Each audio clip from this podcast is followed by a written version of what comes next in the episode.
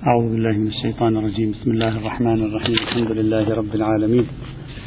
صلى الله على سيدنا ونبينا وحبيبنا محمد وعلى آله الطيبين الطاهرين. اللهم صل على كان كلامنا كان كلامنا في القسم الأخير من الحيوانات البرية وهو النظر في الحيوانات البرية التي تحدث عنها القرآن الكريم لنعرف أعم من الأهلية والوحشية لنعرف ما هو الحكم فيها في السنة الشريفة هل قدمت شيئا إضافيا أو لا. تحدثنا عن الميتة قلنا لا يوجد شيء مختلف. تحدثنا عن آه، ما أهل لغير الله به السنة تؤكد الكتاب ويؤكدها الكتاب. تحدثنا عن المنخنقة والموقودة والمتردية والنطيحة وما أكل السبع. قلنا السنة تؤكد الكتاب ويؤكدها الكتاب. تحدثنا عن صورة الاضطرار. قلنا أيضا تحدثنا يعني شرحنا الفكرة وأن قاعدة الاضطرار موجودة في الكتاب والسنة معا. وصلنا إلى بقي عندنا هذه النقطة الأخيرة وبه ينتهي بحث الحيوانات البرية. ننتقل إلى الحيوانات الجوية. النقطة الأخيرة كانت على الشكل التالي. هل الخنزير إذا قلنا في القرآن الخنزير كله حرام الأكل انتهى خلاص. هذا البحث تأكيدي هذا البحث كله تأكيدي. إذا قلنا على مستوى البحث القرآني المحرم في القرآن من الخنزير لحمه فقط شحمه دسمه ما يعبر عنه في اللغة العربية ودكه الودك. ودكه عظامه غضاريفه أمعاؤه جهازه الهضمي إذا قلنا اللحم فقط الدهن الدهن نعم الشحم والدهن. إذا قلنا الحرام فقط اللحم فالبقية حلال قرآنيا. الآن نريد أن نبحث هل السنة توسع دائرة التحريم من اللحم إلى غيره أو لا؟ هذا هو بحثنا في الحقيقة. يعني لأن هذا البحث قليل التعرض له بل في الفقه الإمامي يكاد يكون منعدم التعرض له.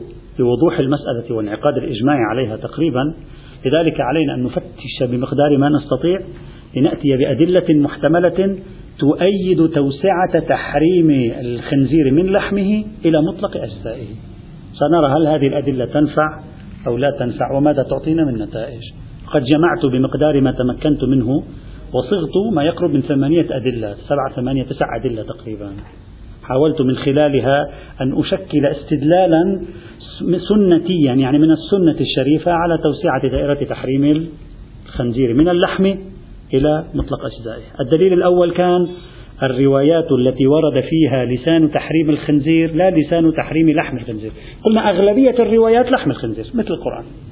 لكن توجد بعض الروايات على أول رواية كانت خبر محمد بن سنان قال وحرم الخنزير لأنه مشوه جعله الله عز وجل عظة للخلق إلى آخر كلامه ولأن غذاءه أقذر الأقذار مع علل كثيرة. الإمام يقول مع علل كثيرة. هذا الخبر من حيث الإسناد قلنا سابقا فيه كلام خاصة من جهة محمد بن سنان عندما لا يبني على وثاقة محمد بن سنان. ومن جهة الدلالة أرجو التأمل في هذا هذه الملاحظة لأن هذه الملاحظة ستسري في عدة روايات هنا. الحديث تارة يكون في مقام بيان الحكم وأخرى يكون في مقام جهة أخرى بعد الفراغ عن عن الحكم.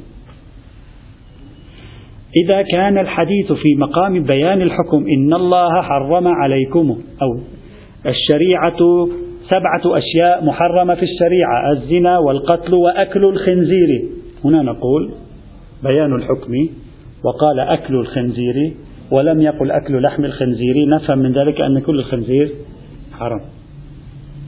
أما مرة أخرى الرواية لا تكون بصدد بيان الحكم. الحكم معروف ومركوز في ذهن السامع والمتلقي معروف لديه. الرواية بصدد جهة أخرى بعد معلومية الحكم. مثل هذه الرواية. الرواية هنا بصدد جهة تعليل. يعني بصدد بيان لماذا حرم الخنزير.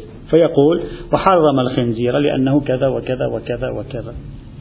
في الحالة الأولى يمكن لنا أن نتمسك بظاهر الرواية لنقول ظاهرها تحريم كل الخنزير.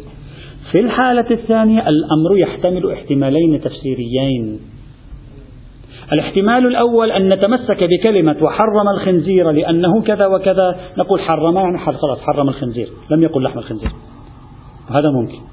الاحتمال الثاني أن نقول أصلا لأنه ليس بصدد البيان حكم الخنزير أطلق كلمة حرم الخنزير وأراد حرم لحم الخنزير. تقول لي كيف هكذا؟ أقول لك لأنه ليس بصدد البيان. فإطلاق الكلمة موكول إلى ما هو مركوز في ذهن السامع وهو أن الخنزير الحرام يعني لحم الخنزير. فماذا أيضا؟ احتمال. فلا يكون مدققا في استخدام الكلمة لأنه ليس بصدد بيان الحكم حتى يدقق في التعبير. أرجو الانتباه إلى الفكرة. وإنما هو في مقام بيان العلة. فلذلك بيان الحكم لا يعني لأن الحكم معلوم بالنسبة إلى المتلقي. فأي تعبير يعبر يهمه أن يعبر بتعبير مشير. فيقول وحرم الخنزير.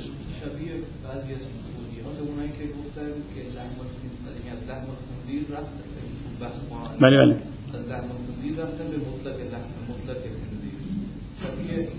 هذا بالعكس. فيقول وحرم الخنزير لمركوزية أن الحرام من الخنزير لحمه. فبدل أن يقول وحرم لحم الخنزير هو ليس متشددا في البيان لأنك تعرف ما هو الحرام من الخنزير فعبر بحرم الخنزير يعني يعني ما حرم من الخنزير. جهة النظر هذا الذي قلته جهة النظر. المتكلم هنا ليس بصدد بيان حكم لحم الخنزير. لأن السياق سياق تعليل ليس سياق بيان الحكم. أصلا كل رواية محمد بن سنان تعليلات اسمها رواية العلل. فهو لا يريد أن يبين الأحكام. يريد أن يقول هناك حكم اسمه X علته كذا. هناك حكم اسمه E علته كذا. هناك حكم اسمه G علته كذا. وهكذا. يعني آه.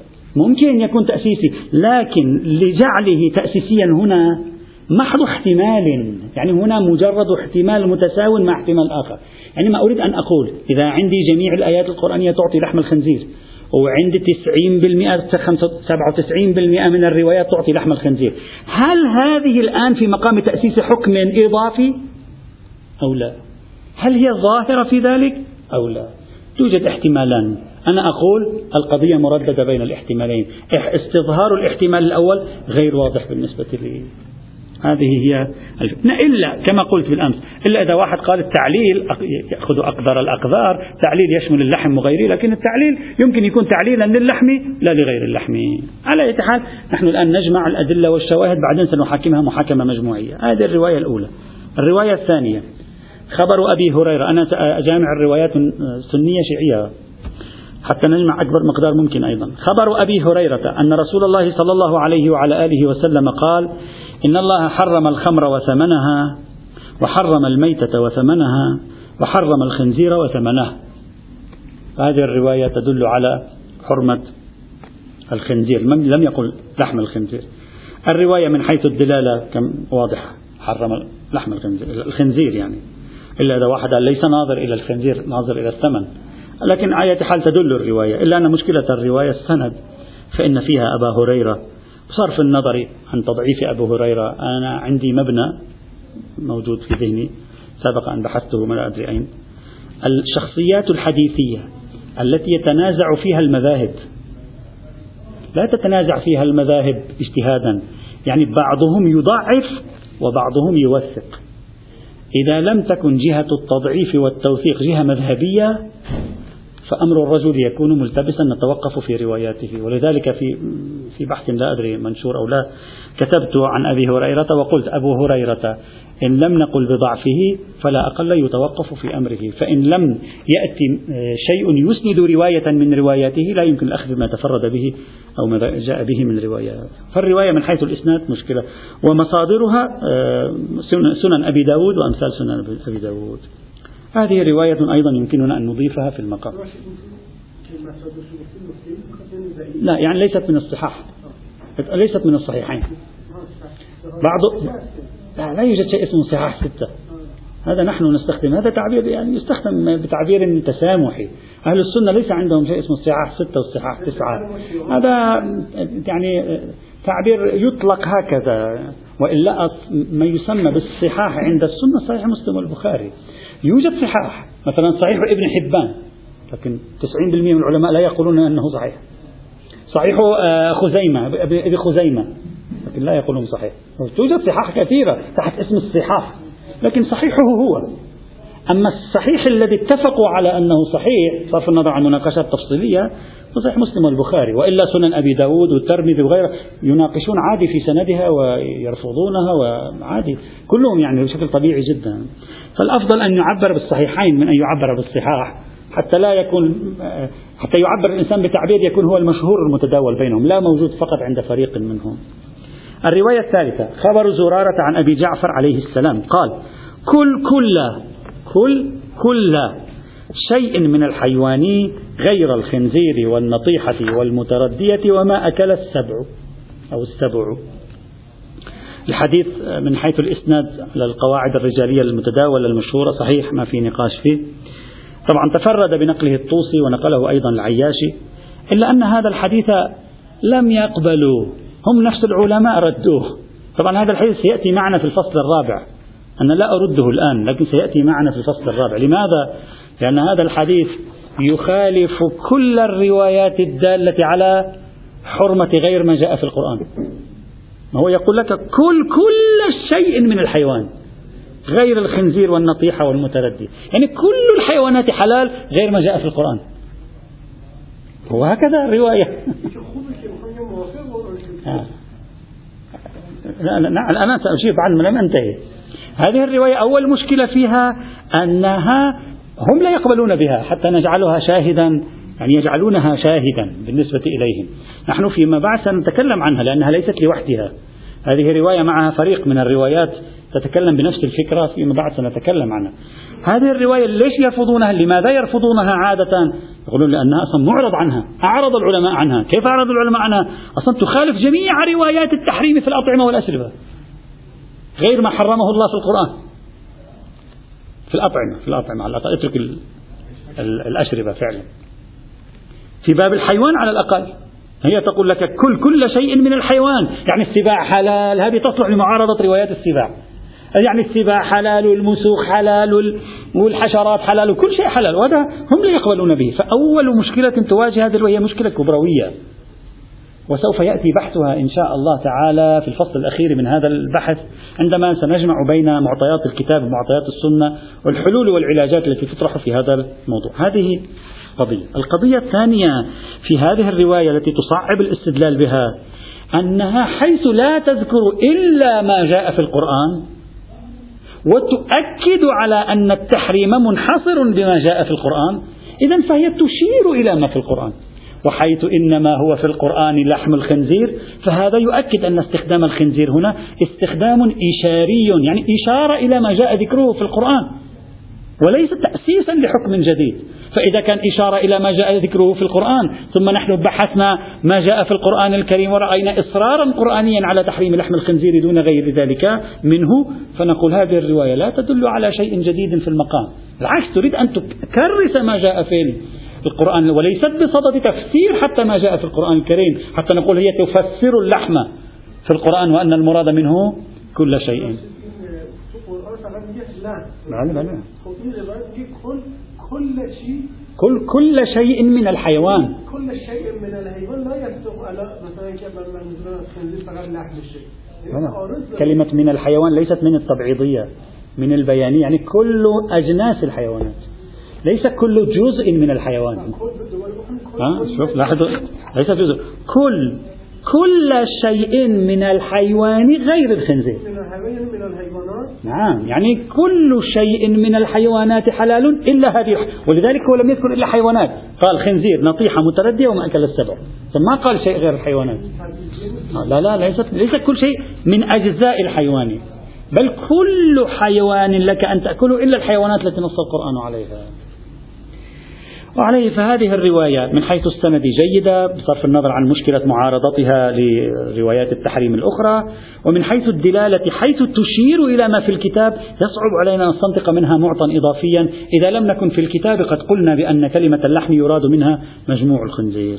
الرواية الرابعة خبر ابن التيمي عن أبيه وهي رواية سنية لا وجود لها في المصادر الإمامية وموجودة في الكتب الحديثية درجة رابعة. كتب السنة درجاتها الحديثية مثل كتب الكتب الإمامية يعني درجات حديثية.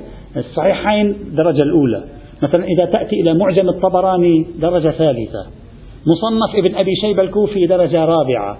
كنز العمال وهذا اللي بعضنا يستدلون بكنز العمال درجة السابعة عشرة بعد المئة.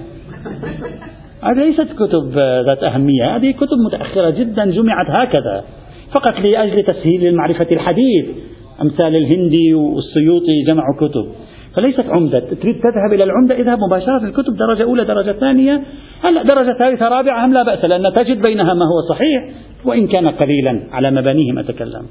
الرواية مصنف الصنعاني مصنف ابن أبي شيبة الكوفي كنز العمال للهندي إلى آخره.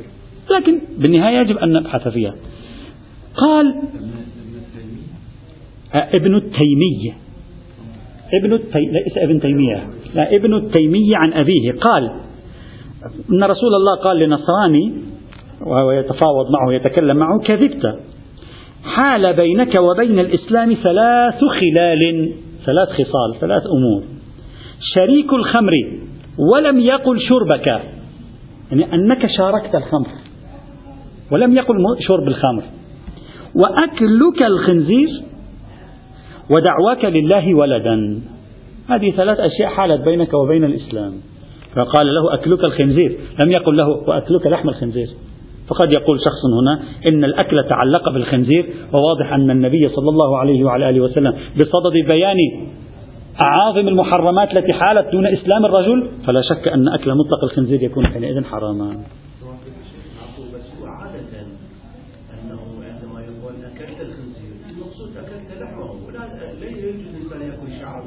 نعم. نعم. الآن أنت تؤيدني الآن سوف آه، نتوافق فيما, بيننا إن شاء الله. صحيح. كلامك في محل. فهذا الحديث قد يستدلون به إلا أن هذا الحديث يمكن أن يناقش أولا الحديث من مراسيل قتادة. نقله عن النبي وهو لم يرى النبي أصلا هو من التابعين أصلا. فلا يوجد اتصال لسند بين قتادة وبين رسول الله صلى الله عليه وسلم. وقد تفرد بنقله الكوفي والصنعاني مرسلا. لذلك فالحديث من حيث الإسناد ضعيف جدا. هذا أولا. ثانيا الحديث من حيث الدلالة هم أيضا ضعيف. وذلك أن الرجل عندما قال له أكلك الخنزير في الرجل في نهاية المطاف يأكل لحم الخنزير. يعني هو لا ينشئ حكما الآن لنعرف حدود الحكم. في نهاية المطاف المسيحيون يأكلون لحم الخنزير. فإذا عندما قال له أكلك الخنزير يعني أكلك الشيء الحرام في الخنزير اللي هو لحم الخنزير. خاصة وأنه لو كان يأكل الخنزير فهو في أبعد الحدود يأكل لحمه وشحمه. ما أحد يأكل عظم الخنزير وشعر الخنزير وأمعاء الخنزير مثلا أو بعض بعضها على الأقل. فالرواية لا هي بصدد إنشاء حكم. هذا أولا. ثانيا وهي يكفيها أن يكون الرجل يأكل الحرام من الخنزير الذي هو اللحم وعادة هو الذي يؤكل. فالنبي جرى على تعبير العادة فقال له أكلك الخنزير؟ يعني أكلك اللحم الحرام الذي هو لحم الخنزير. وهذا كاف في إفادة ما أراده الرسول تجاه ذلك الأنصاري. فلا نستطيع أن نتمسك بإطلاق الحديث وأنه ظاهر في مطلق الخنزير بعد أن لم يكن أصلا بصدد بيان شيء من هذا القبيل. وتحقق أكله للحم الخنزير على أي حال المقدار المحرم من الأكل. هذه الرواية الرابعة. الرواية الخامسة والأخيرة أعتقد. سنشوف. محمد بن عذافر عن أبيه أو عن بعض رجاله قال قلت لأبي جعفر محمد بن علي الباقر عليهما السلام. لما حرم الله الميتة والدم ولحم الخنزير أيضا في مسار التعليل. ولاحظ السائل سأل عن ماذا؟ عن لحم الخنزير. قال وأما لحم الخنزير هو الإمام هم يقول لحم الخنزير. فإن الله تبارك وتعالى مسخ قوما في صور شتى مثل الخنزير والقرد والدب ثم نهى عن أكل المثلة لكي لا ينتفع بها ولا يستخف بعقوبتها. هذا التعليل في الأخير هو الذي نريد أن نستفيد منه. وإلا سؤال السائل عن لحم الخنزير. جواب الإمام أيضا عن لحم الخنزير. لكن التعليل الذي في النهاية قال مسخهم حتى لا ينتفع بها. يعني لا ينتفع بهذه التي جعل شيء على مثلها. تعبيره لا ينتفع بها والذي جعل على مثلها ليس فقط اللحم. قد شخص يدعي يقول فإذا كلها حرام حينئذ. قرينة ذيل الرواية. وإن كان صدرها وسؤال السائل هم أقحم فيه؟ لحم الخنزير أيضا. مثل بقية الروايات. هذه الرواية طبعا من حيث الإسناد فيها جملة من المشاكل تارة ضعيفة محمد بن عذافر ثقة. تارة يرويها عن بعض رجاله فتكون مرسلة. وأخرى يرويها عن أبيه وأبوه اسمه عذافر وهو مجهول الحال. وثالثة يرويها بطريقه إلى المفضل بن عمر وفي الطريق عبد الرحمن بن سالم وهو مجهول الحال. وفي الطريق أيضا محمد بن علي الكوفي. إن لم نقل إنه أبو سمينة الكوفي الضعيف المضعف المتهم بالكذب والوضع فلا أقل من أنه مجهول الحال.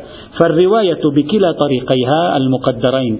ضعيفة لا يمكن الاعتماد عليها لوحدها. نتكلم بعدين سنضم الروايات إلى بعضها. ودلالتها كما ترى هي فقط دلالة الذيل وليست دلالة مباشرة. فدلالتها يعني ليست بتلك المثابة لكن على أي حال تنفعنا. نتركها الآن. طيب. الرواية الأخيرة خبر أبي ثعلبة الخشني وهي رواية سنية. نحن نجيب رواية شيعية رواية سنية رواية شيعية رواية سنية صادفت. خبر أبي ثعلبة الخشني أنه سأل رسول الله صلى الله عليه وعلى آله وسلم أنه قال إنا نجاور أهل الكتاب وهم يطبخون في قدورهم الخنزير ويشربون في آنيتهم الخمر فقال رسول الله صلى الله عليه وعلى آله وسلم إن وجدتم غيرها فكلوا فيها واشربوه. يعني إن وجدتم آنية غير هذه الآنية كلوا من الآنية الأخرى لا تأكلوا من هذه الآنية. وإن لم تجدوا غيرها غير هذه الأواني التي يستخدمونها هم فارحضوها بالماء يعني صبوا عليها الماء وكلوا واشربوا. مثلا. وهذه الرواية على معايير أهل السنة صحيحة الإسناد بحسب مراجعة السند ورواها الحاكم النيسابوري في كتاب المستدرك. طبعا هذه الرواية مشكلتها في مصدر عند الحاكم النيسابوري ورد ذكر الخنزير. في مصدر آخر في سنن أبي داود لم يأتي ذكر الخنزير. فالرواية تارة ورد فيها تعبير الخنزير والخمر. وتارة أخرى لم يرد فيها تعبير الخنزير ورد فيها تعبير الخمر. وهذا يوجب ترددا في أن الخنزير كان موجودا في سؤال السائل أو لم يكن في موجودا في سؤال السائل. مثلا في سنن أبي داود موجودة الرواية لكن ليس فيها تعبير حديث عن الخنزير. في مستدرك الحاكم النسابوري موجودة الرواية لكن فيها تعبير عن الخنزير. هل هذا الاضطراب يوجب الشك في وجود سؤال عن الخنزير أو لا؟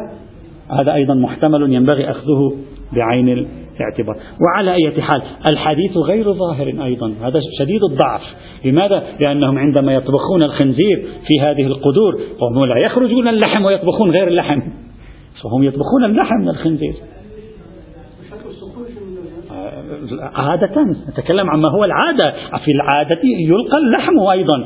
اللحم موجود أيضا. قد يوجد غيره. لكن اللحم موجود أيضا. فتحرزا عن أن يأكلوا شيئا من بقايا اللحم أو مما يسيل من اللحم قال لهم اتركوا. إلا إذا كانت هذه الرواية ترجع إلى روايات نجاسة الخنزير. إذا ترجع إلى رواية إلى نجاسة الخنزير فسوف يأتي من الأدلة على حرمة كل الخنزير دليل نجاسته وسنعلق هناك. فالتفت هذه هي الروايات التي في الدليل الأول أي مجموع الروايات التي عثرنا عليها لم تستخدم كلمة لحم الخنزير وإنما استخدمت في مقام التحريم كلمة الخنزير فقط. وقد رأينا أن هذه الروايات هي عبارة عن خمس روايات أو ست روايات ست روايات ستة أو خمسة ست روايات ست روايات ست روايات من حيث الإسناد أغلبها ضعيف من حيث من حيث الدلالة بعضها ليس بقوي من حيث الدلالة بعضها لا بأس به من حيث الدلالة. فلتبقى هذه الروايات الآن في بالنا. سنرى فيما بعد عندما نجمع مجموع المعطيات ما الذي سوف آه، نستظهره. وعلى أي حال في هذه المجموعة روايتان عند المشهور صحيحة الإسناد ووجه الدلالة فيها تضمني يعني ليست في مقام البيان وإنما متضمن هذا دليل يمكننا أن نطرحه في المقام الآن نحافظ عليه. الدليل الثاني على تحريم كل أجزاء الخنزير. ما ورد في شحم الخنزير ودهنه وودكه. يعني الكلام الآن ليس عن تحريم الخنزير. الكلام الآن عن تحريم غير اللحم من الخنزير. يعني مباشرة منصب الكلام على الشحم. لا على مطلق غير اللحم على الشحم فقط. مهم الروايات هنا هو عبارة عن ثلاث روايات أو روايتين فقط. على ما أظن. ثلاث روايات. الرواية الأولى صحيحة بكير عن أبي جعفر عليه عن أبي جعفر عليه السلام. وخبر أبي الصباح وأبي سعيد والحسن النبال عن أبي عبد الله. يعني بكير سأل أبي أبا جعفر. وأبو الصباح وأبو سعيد والحسن النباس سألوا الإمام الصادق عليه السلام. واحد سأل الإمام الباقر وثلاثة سألوا الإمام الصادق نفس السؤال نفس الجواب. الراوي الذي وصل إليه الروايتان دمجهما في رواية واحدة. هذا معنى لذلك ماذا قال؟ قال قالوا من الذين قالوا؟ المجموعة هذه. قالوا قلنا لهما. يعني هو الراوي لاحظ الراوي المتأخر ربما ركب الصياغة حتى يوفر علينا التكرار. قلنا لهما. يعني لهما لمن؟ أبي جعفر والإمام الصادق عليهما السلام. إنما نشتري ثيابا يصيبها الخمر وودك الخنزير يعني دهن الخنزير عند حاكتها. يعني هذا الذي يحك الثياب يصيب الثياب عند الحائك شيء من دهن الخنزير. أنصلي فيها قبل أن نغسلها؟ قال نعم لا بأس بها. وإنما حرم الله أكله وشربه. من هو؟ يعني حرم الله أكل الخنزير وش... أكل ودك الخنزير. الكلام عن الودك. ودك الخنزير وشربه. شرب من؟ شرب الخمر. هذا يدلك على أن الراوي دمج الأمور ببعضها. حتى صار التعبير ركيكا. صار التعبير عربيا فيه ركاكة. لكن هو أراد أن يدمج الروايات ربما ببعضها. وإنما حرم الله أكله ترجع إلى الودك. وشربه ترجع إلى الخمر. وربما ترجع أكله إلى الخنزير كله لكن المقدار المتيقن بحسب السؤال الودك. ولم يحرم لبسه ومسه والصلاة فيه. إذا هذه الرواية تدل بالمقدار المؤكد منها على تحريم ودك الخنزير. يعني لأن السائل يسأل عن ودك الخنزير والجواب ينصب على ودك الخنزير. فيفترض حينئذ أن نقول بحرمة ودك الخنزير من حيث الأكل وحرمة الخمر من حيث الشرب. هذا الحديث من حيث الدلالة ظاهر بالحد الأدنى في حرمة ودك الخنزير لأن السؤال عن ودك الخنزير اللي هو الودك الدسم والشحم أجابه أن الله لم يحرم مسه آه، وإنما حرم أكله. فإذا شحم الخنزير حرام واضح الرواية وهي تامة من حيث الإسناد. فالمقدار المتيقن من الرواية ودك الخنزير. ممتاز. إذ لو كان ودك الخنزير حلالا لما ناسب الجواب. يعني هو قال له إن يعني إما حرم الله الخنزير كله أو حرم ودك الخنزير. وحرم الخنزير كله يعني الودك حرام. حرم ودك الخنزير يعني الودك حرام. فإذا المقدار المتيقن هو ودك الخنزير. هنا لابد أن نقول بحرمته. وبالتالي ثبتت حرمة شحم الخنزير وتوسعنا من لحمه إلى شحمه. وهذا الذي نريده. يعني هذا الذي نريد أن نثبته أصلا. إلا أن هذا الحديث مشكلته آه، تعبيرنا آه، عنده خصوم كثر. هذا الحديث على صحته السندية. خصومه كثر. يعني في مجموعة من الأحاديث تشكل خصوم بالنسبة إليه. يعني عنده شجار مع عدة مجموعات من الروايات. الآن سأقول. كيف؟ لا سندا ما في مشكلة. لكن عنده شجار مع عدة روايات ولذلك هجره العلماء. الآن سنرى, سنرى أن قوته الوثوقية ستضعف بسبب ابتلائه بمجموعة مشاجرات. وهي هذا الحديث يعارض ما دل على نجاسة الخمر. لأنه يدل على طهارة الخمر. ويعارض ما دل على نجاسة الخنزير. لأنه يدل على طهارة الخنزير. فيضعف الوثوق ولذلك. ويعارض ما دل على عدم الصلاة في أجزاء ما لا يؤكل لحمه. إذا كانت يعني إذا صدق على تلك المادة بأنها كثيفة مثلا. بل حتى تركيب الحديث غير بليغ. إلا إذا قلنا أن الراوي دمج الحديث والركاكة من الراوي كما رأينا. إلا إذا شخص قال هذا الحديث يعارض هذه الروايات من عدة جهات نحمله على التقية من هذه الجهات من جهة شحم الخنزير وأكله لا نحمله على التقية نبعد في الحجية لا بأس في الحجية بهذا المعنى. إذا شخص قال ذلك لا بأس تبقى الاستفادة من هذا الحديث على حالها. فهذا الحديث. سندا تام دلالة في نفسه لا بأس به مشكلته الابتلاء بمعارضات من أكثر من جهة. نعم في جانب اتقى في جانب لم يتقى إذا شخص قال ذلك تبقى, تبقى الدلالة هنا تامة لا إشكال فيها والسند صحيحان. الذين يبعضون في الحجج عادة يقبلون بهذا. الرواية الثانية. خبر يونس عنهم عليهم السلام. قال سئل عن حنطة. مجموعة حنطة مجتمعة مع بعضها. قمح. ذاب عليها شحم خنزير. ذاب عليها شحم خنزير. قال إن قدروا على غسلها أكلت. يعني تغسل الحنطة وتأكلها خلاص. وإن لم يقدروا على غسلها لم تؤكل. وقيل هل هذا وقيل يعني ممكن تكون من الإمام لكن شوي بعيدة لعلها من أحد الرواة الذين وقعوا في السنة وقيل تبذر حتى تنبت. يعني ليش ليش لا تؤكل وترمى حتى ما يصير إسراف نجيب نفس هذه الحنطة نضعها بذورا في الأرض مرة أخرى وتطلع. لا بعد ما تطلع يصير استحالة. استحالة موجبة للتطهير. وتنحل المشكلة. هذه القيل لعلها من الراوي مثلا.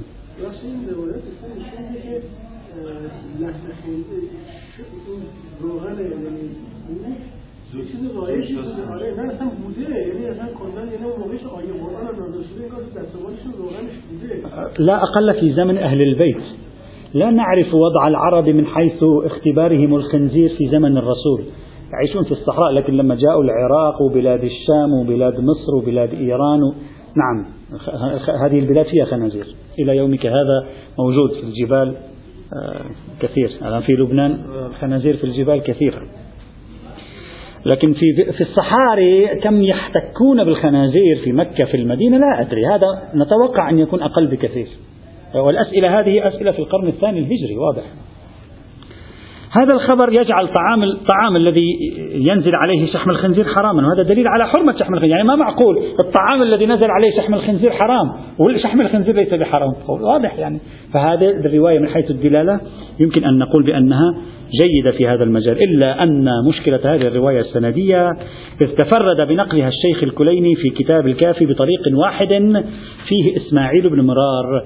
وهذا الرجل وثاقته مبنية على مبنيين كلاهما تمت مناقشتهما بالتفصيل واختلف العلماء فيهما. مبنى تفسير القمي لأنه ورد في أسانيد تفسير القمي والسيد الخوئي يوثقه على تفسير القمي والمبنى الثاني أنه لم يستثنه محمد بن الحسن بن الوليد من نوادر الحكمة.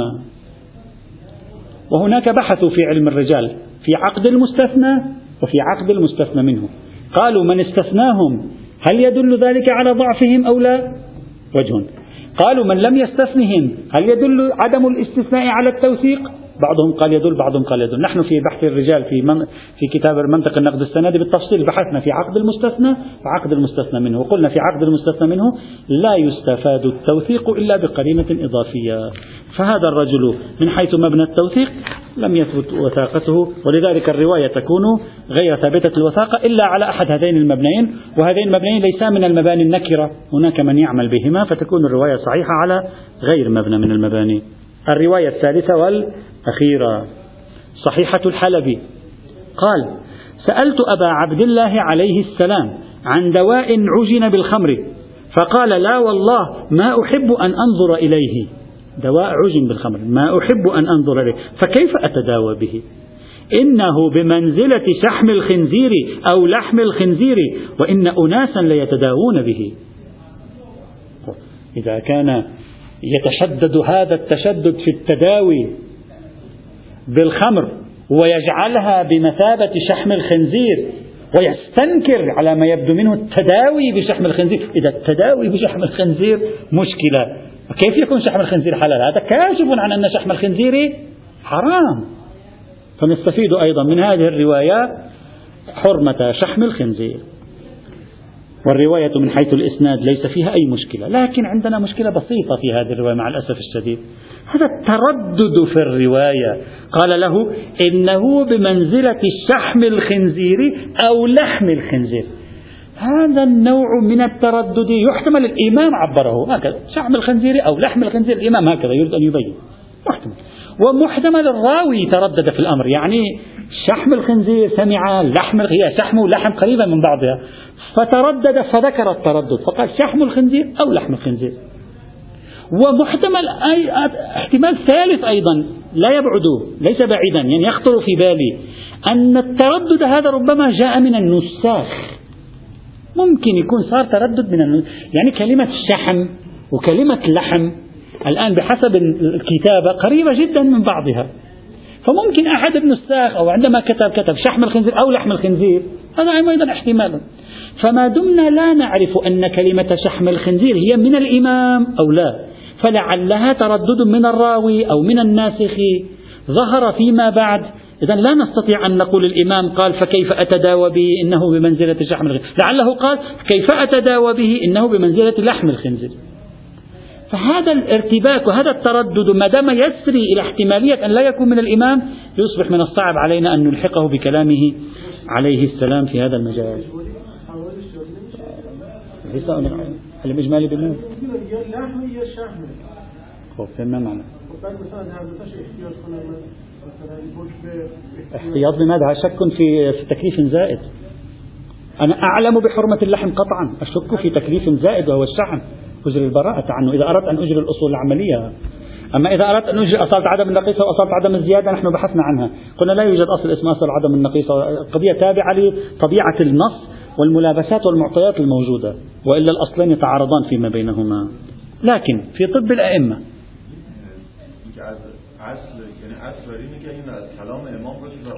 أصل كجا عندما يأتي نص يتردد من أين أعرف؟ أحتمل جدا حينئذ أن يكون ليس من كلام الإمام. أحتمل عندما يصبح ترى وهذا موجود في الروايات. إنه بمنزلة كذا أو كذا. هذا الاحتمال يتردد. هل هو من الإمام؟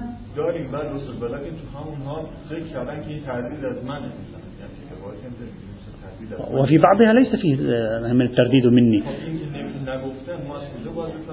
از کجا میفهمیم که این از حرف امام؟ كيف أعرف؟ كيف. لا من. لا ليس عندنا أصل هنا. الأصل أنه ليس كلام الإمام. الأصل أنه ليس كلام الإمام. أحتاج أن أثبت أن كلمة شحم كلام الإمام أو لا. لا أدري. لعل كلمة لحم هي كلام الإمام هنا. هو نحن نفترض أن الراوي تردد شيخنا. ما؟ هو الراوي لعل نفس هذا التردد لعله من الراوي نفسه. الراوي ليس متأكد الإمام قال شحم الخنزير أو لحم الخنزير. فقال إنه بمنزلة شحم الخنزير أو لحم الخنزير.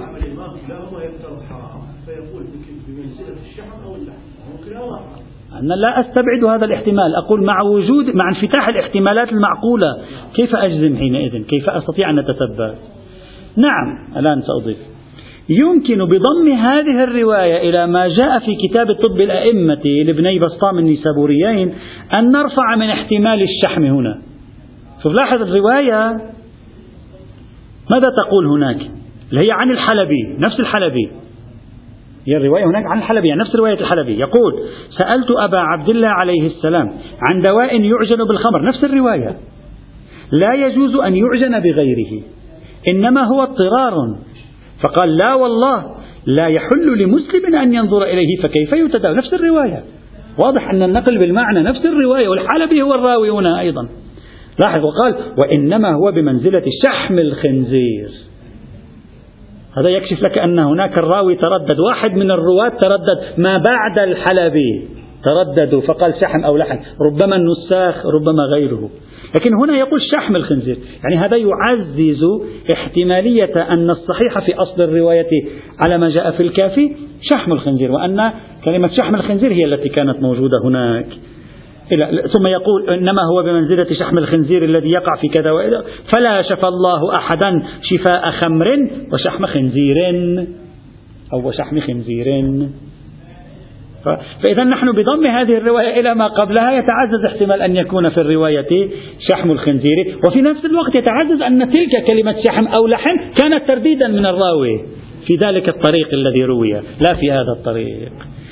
وإن كانت رواية ابني بسطام النيسابورين في حد نفسها ضعيفة. ولكن بانضمامها إلى تلك يمكن أن ترفع لنا من مثل هذا الاحتمال. وإن كانت أيضا غريبة في مضمونها. تحريم النظر إلى الخمر. لا يحل لمسلم أن ينظر إليها. هكذا تقول رواية ابني بسطام. مع أن هذا أصلا لا يتخيله أحد. تحريم أصل النظر إلى الخمر على أي حال. لكن نحن نريد أن ننتفع بها في رفع احتمال كلمة الشحم في تلك الرواية. لا بأس بهذا بهذا الرفع إذا صح التعبير. والمتحصل أن الوارد في المقام ثلاث روايات بينها روايتان صحيحتان. غاية الأمر أن الرواية الصحيحة الأولى مبتلاة بمعارضات والرواية الثالثة مبتلاة بترديد يمكن جبره بمصدر آخر. والثلاثة معا واردة في الشحم فلا نستطيع التعميم لغير الشحم من أجزاء الخنزير. يعني عظام حتما لا ترد. آه، الجهاز الهضمي حتما لا ترد. الجهاز التنفسي حتما هم لا ترد إلى آخره. فإذا نستطيع بهذه المجموعة الثانية أن نتوسع من دائرة اللحم إلى دائرة الشحم لا إلى مطلق الخنزير. بعكس المجموعة الأولى التي كنا نتوسع فيها إذا تمت من من لحم الخنزير إلى مطلق الخنزير. أرجو أن تكون صارت الصورة واضحة. الدليل الثالث ما ورد لا أذن أو مازال في المقدمات. قرآن. ما ورد في بعض الروايات هذه الروايات غالبها إن لم يكن جميعها سني محض الآن هذا الدليل الثالث القاعدة الروائية فيه كلها سنية. لا أريد أن أنقل الروايات لأن الجواب جواب في المتن. ما ورد في الروايات آه، غالبها سني إن لم يكن جميعها سني. من الحث على قتل الخنزير أو أمر الإمام بأن يقتل الخنزير. يعني إبادة الخنازير جماعة حقوق الحيوانات هيسوون مشكلة فيها. إبادة الخنازير من على وجه البسيطة. نعم. يؤمر إمام المسلمين بقتل الخنازير. أو في في بعضها أمر مباشر للمسلمين بقتل الخنازير. يعني إعدام الخنازير من على صفحة الوجود. حيثما تسنى. هذا المقصود. فإن الخنزير إذا كان حلال الأكل في غير اللحم لماذا نعدمه؟ قد شخص يستدل بذلك لماذا نعدمه؟ بالعكس نستفيد منه. هذا كاشف عن أنه كله بتعبير صاحب الكفاية بشراشره حرام. بشراشره حرام. من أوله إلى آخره. إلا أن هذه الروايات بصرف النظر عن مصادرها وأسانيدها لا نريد أن نخوض فيها لا تدل على شيء هنا. لو صحت لو سلمنا بها تدل على قتله ربما تحرزا من أن يقدم الناس على أكل لحمه. فلا يراد أصلا وجوده تحفظا عن أن يصبح أكول اللحم بين الناس. وهذا يكفي في هذا الاحتمال. فلا دليل على أنه كلما أمر بقتل الخنزير إذا دل ذلك على تحريم غير اللحم منه. قد يكون الحرام هو اللحم لكن أمر بقتله مطلقا سدا للطريق على الناس أن يأكلوا لحم الخنزير حيث ينعدم الخنزير فلا يتسنى لهم أكل لحمه. وهذا محتمل وهذا كاف. فإذا هذا الاستدلال غير واضح. الدليل الرابع الخنزير لا يذكى. الخنزير لا يذكى. فكيف ما ذبحته سيكون حيوانا غير مذكى؟ ما يعني الخنزير يذكى ولا يذكى. فلا أقل من أنك تأكل لحم تأكل حيوانا غير مذكى وغير المذكى حرام. يعني مشكلته ليست في ذاته. مشكلته ما ممكن يصير مذكى. ما ممكن. والجواب تقدم معنا في بحث أصالة عدم التذكية الخنزير يذكى لكن هو حرام الأكل. الخنزير يذكى هو حرام الأكل. كيف؟ يذكى ما معنى يذكى؟ أي تجرى عليه طرائق الذبح أو النحر أو الصيد حسب حاله. فإذا جرى عليه ذلك ذكي فهو من حيث الزكاة مذكى لكن من حيث ذاته نجس من حيث ذاته نجس. من حيث ذاته حرام الأكل. ولا بأس ما في ما في تناقض في المفاهيم. هذا إنما بنوهم على ذلك لأنهم قالوا بأن لحمه حرام مطلقا. وهو نجس العين. فإذا كان نجس العين ولحمه حرام لا معنى لتزكيته لأن التزكية ما, هو ما هي المصلحة من ورائها؟ طهارة الشيء المذكى وحلية أكله. فإذا عدم الأثران لا معنى للتزكية نعم كلامهم صحيح. لأنهم بنوا على نجاسته وبنوا على حرمة أكل لحمه مطلقا. الآن نحن حسب الفرض بعد لم يثبت لدينا حرمة أكله مطلقا. فممكن تصور تزكيته ويكون أثر التزكية حينئذ جواز أكل غير اللحم منه إذا لم يكن الحرام إلا اللحم. ولا بأس به. التزكية كما أثبتناها سابقا ووافق على ذلك بعض العلماء ليست سوى إجراء قواعد القتل في الحيوان مقابل الميتة مقابل الضرب على رأسه بأن يقتل إطلاق رصاص عليه يموت. وإذا أجريت التزكية خلاص هو مذكى نعم يمكن يكون مذكى ولا أثر لتزكيته كما لو كان نجس العين محرم الأكل بذاته. ونعم هذا لا أثر لتزكيته لكن فرضنا أنه لم يثبت لدينا بعد أنه محرم الأكل بذاته. فصدق عنوان التزكية عليه حتى الآن وارد. وأثره الفقهي إمكان آه، أكل غير اللحم منه. الدليل الخامس الخنزير من الخبائث فيحرم. وبعض الروايات أشارت إلى خبثه رواية محمد بن سنان اللي قرأناها قبل قليل أشارت إلى خبثه والجواب أولا إثبات كلية حرمة الخبائث. فيه نظر سبق. لا يوجد دليل على كما أشار الإمام الخميني في مناقشته لآية الخبائث. ما عندنا دليل على حرمة مطلق الخبائث. ثانيا الخنزير من الخبائث. آه، بالله عليكم. أربع أخماس الأرض تأكل لحم الخنزير وتستطيبه ويأكلونه ما عندهم مشكلة معه. نحن لأنه حرام عندنا نستخبثه. ما هو معيار الخبائث؟ خبائث بعد تحريمه. وإلا هو في ذاته لا يصنف من الخبائث. الآن بين البشر بين لا عنوان النجاسة سيأتي. عنوان النجاسة سيأتي مستقلا. سيأتي عنوان النجاسة مستقلا وسنذكر هذا الذي قلتموه. سيأتي. ليس كل نجس خبيث بالمعنى الذي له دور في بحث الأكل والشرب. ذاك في بحث النجاسة الآن سيأتي سيأتي كله سيأتي. فإذا لا صغر الخبائث واضحة. أنه ما قال أنه خبيث. أول الكلام أنه خبيث بالمعنى في ذاته خبيث. أنه خبيث لا يؤكل. وكبرى أيضا غير ثابتة في المقام كما تقدم معنا. وثالثا بعضهم قال خبائث لأنه يأكل القاذورات. نحن عندنا صورة في بلادنا لا أدري هنا في بلادنا العربية على الأقل عندنا صورة أن الخنزير يعيش على القاذورات. هذا خنزير المسكين في ذلك الزمان المسكين كان يأكل قاذورات. الآن وضع الخنازير في حظائر الدول الغربية أحسن من وضع الدجاج في حظائرنا. وهذا ليس ادعاء هذا ليس ادعاء. أنا أقول ليس ادعاء. هذا أمر يعني قبل أن أدعي هذا الكلام هذا في الدورة الأولى راجعت كثيرا حول هذا الموضوع. كيف يهتمون لأمرهم؟ نوع المأكولات التي تؤكل. ادعاء أنه خباثته من أجل أنه يأكل القاذورات. يعني يحتاج إلى أن نتوسع في القضية ونتأمل أكثر. إطلاق الكلام بهذه الطريقة غير دقيق. الدليل السادس الاستناد إلى النجاسة. يأتي بعد عندنا دليل دليلان ثم نخرج بنتيجة في نرى ما الذي سنخرج به. والحمد لله رب العالمين. غدا إن شاء الله تعالى يعني حتى الإخوة يكون عنده سننتهي من بحث الخنزير بقي فيه شيء ربما. إن شاء الله نحاول ننتهي. وإذا بقي معنا وقت سوف أرسم خارطة لكل بحث الحيوان البري والنتائج التي توصلنا حتى تكون الصورة واضحة إن شاء الله. الحمد لله رب العالمين. اینایی که فرمود طرح بحث رو فردا میخواستین گفتید میگید الخلاصة خلاصة. والنتائج والخارطة نه اینا این دلیل چهار شما اینجور شروع کرده بودید که